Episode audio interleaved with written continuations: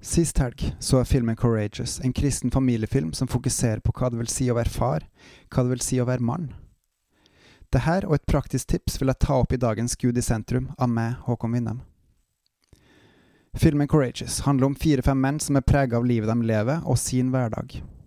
Alle virker å le for seg sjøl, med seg sjøl og dernest familien som sentrum, med ett unntak. Noe livsforvandlende skjer underveis, og guttene, én etter én, bestemmer seg for å bli menn. Uten å røpe for mye finner de gode kilder på hva det vil si å være mann, etter den sanne visdom. Dette spinner videre og får konsekvenser for hvordan man da lever livet. Det er ikke bare enkelt, og det får både negative og positive følger. Og samtidig, de står fram og står fast på det sanne og vokser og blir menn. Anbefaler virkelig filmen hvis du både vil bli underholdt og ha dybde av film med livspåvirkning. En sentral ting i filmen er å sørge for barna sine, det er barnas ve og vel som skal være i fokus, ikke ens egen verden. Og samtidig er det noe større og viktigere enn ungene også, og det her større er det viktig å gi videre til ungene. Ved siden av å ta del i deres hverdag interesser, må en også gi livet med Gud videre til dem. Og da må man faktisk starte med seg sjøl, med å være med Herren. Tilbe Han, tjene Han, lære Hans vilje, gjør Hans vilje, la Hans ånd prege deg til et nytt liv i Han. Kjenn Gud, fordi du er mer og mer, og det er mer og mer naturlig, sammen med han. Og så i mine øyne bebels, fordi du kjenner kongen over alle konger, fordi du kjenner himmelens og jordens skaper, og fordi du skylder han alt, ditt liv, fordi du har fått, du har fått alt av han, også trua. I takknemlighet som en moden sønn, datter av Gud, gir du han ære og bøyer deg for han, så mater du deg med hans ord og lever det enten du er enig eller ikke, så følger du hans ord og gir det videre. Og nettopp det her livet med han, det gir du videre til dine egne barn. Er ikke dette det viktigste du kan gi til dem? Guds kjærlighet er større enn alt. Han elsker oss først, derfor elsker vi Han.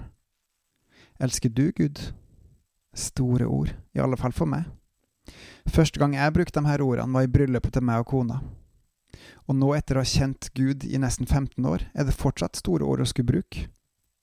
Men elsker jeg Han, sjøl om ordene kan oppleves som store?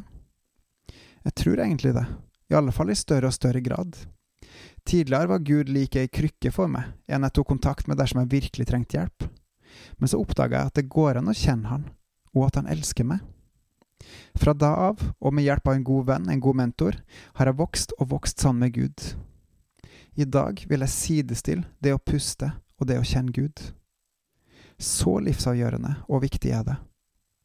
Det begynte som en overbevisning om at han fantes, og i dag er han selve livet for meg. Fra krykke til hjerte, kan jeg si.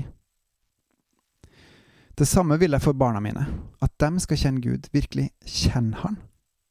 Det er ikke gjort på en dag, men det er noe man, de trenger å se er naturlig og godt, og ikke minst, de må sjøl ta kontakt med Han for å bli kjent med Han. Hvordan gjør man det, har jeg spurt meg sjøl og andre. Søndagsskole er bra, men det er jo bare én gang i uka.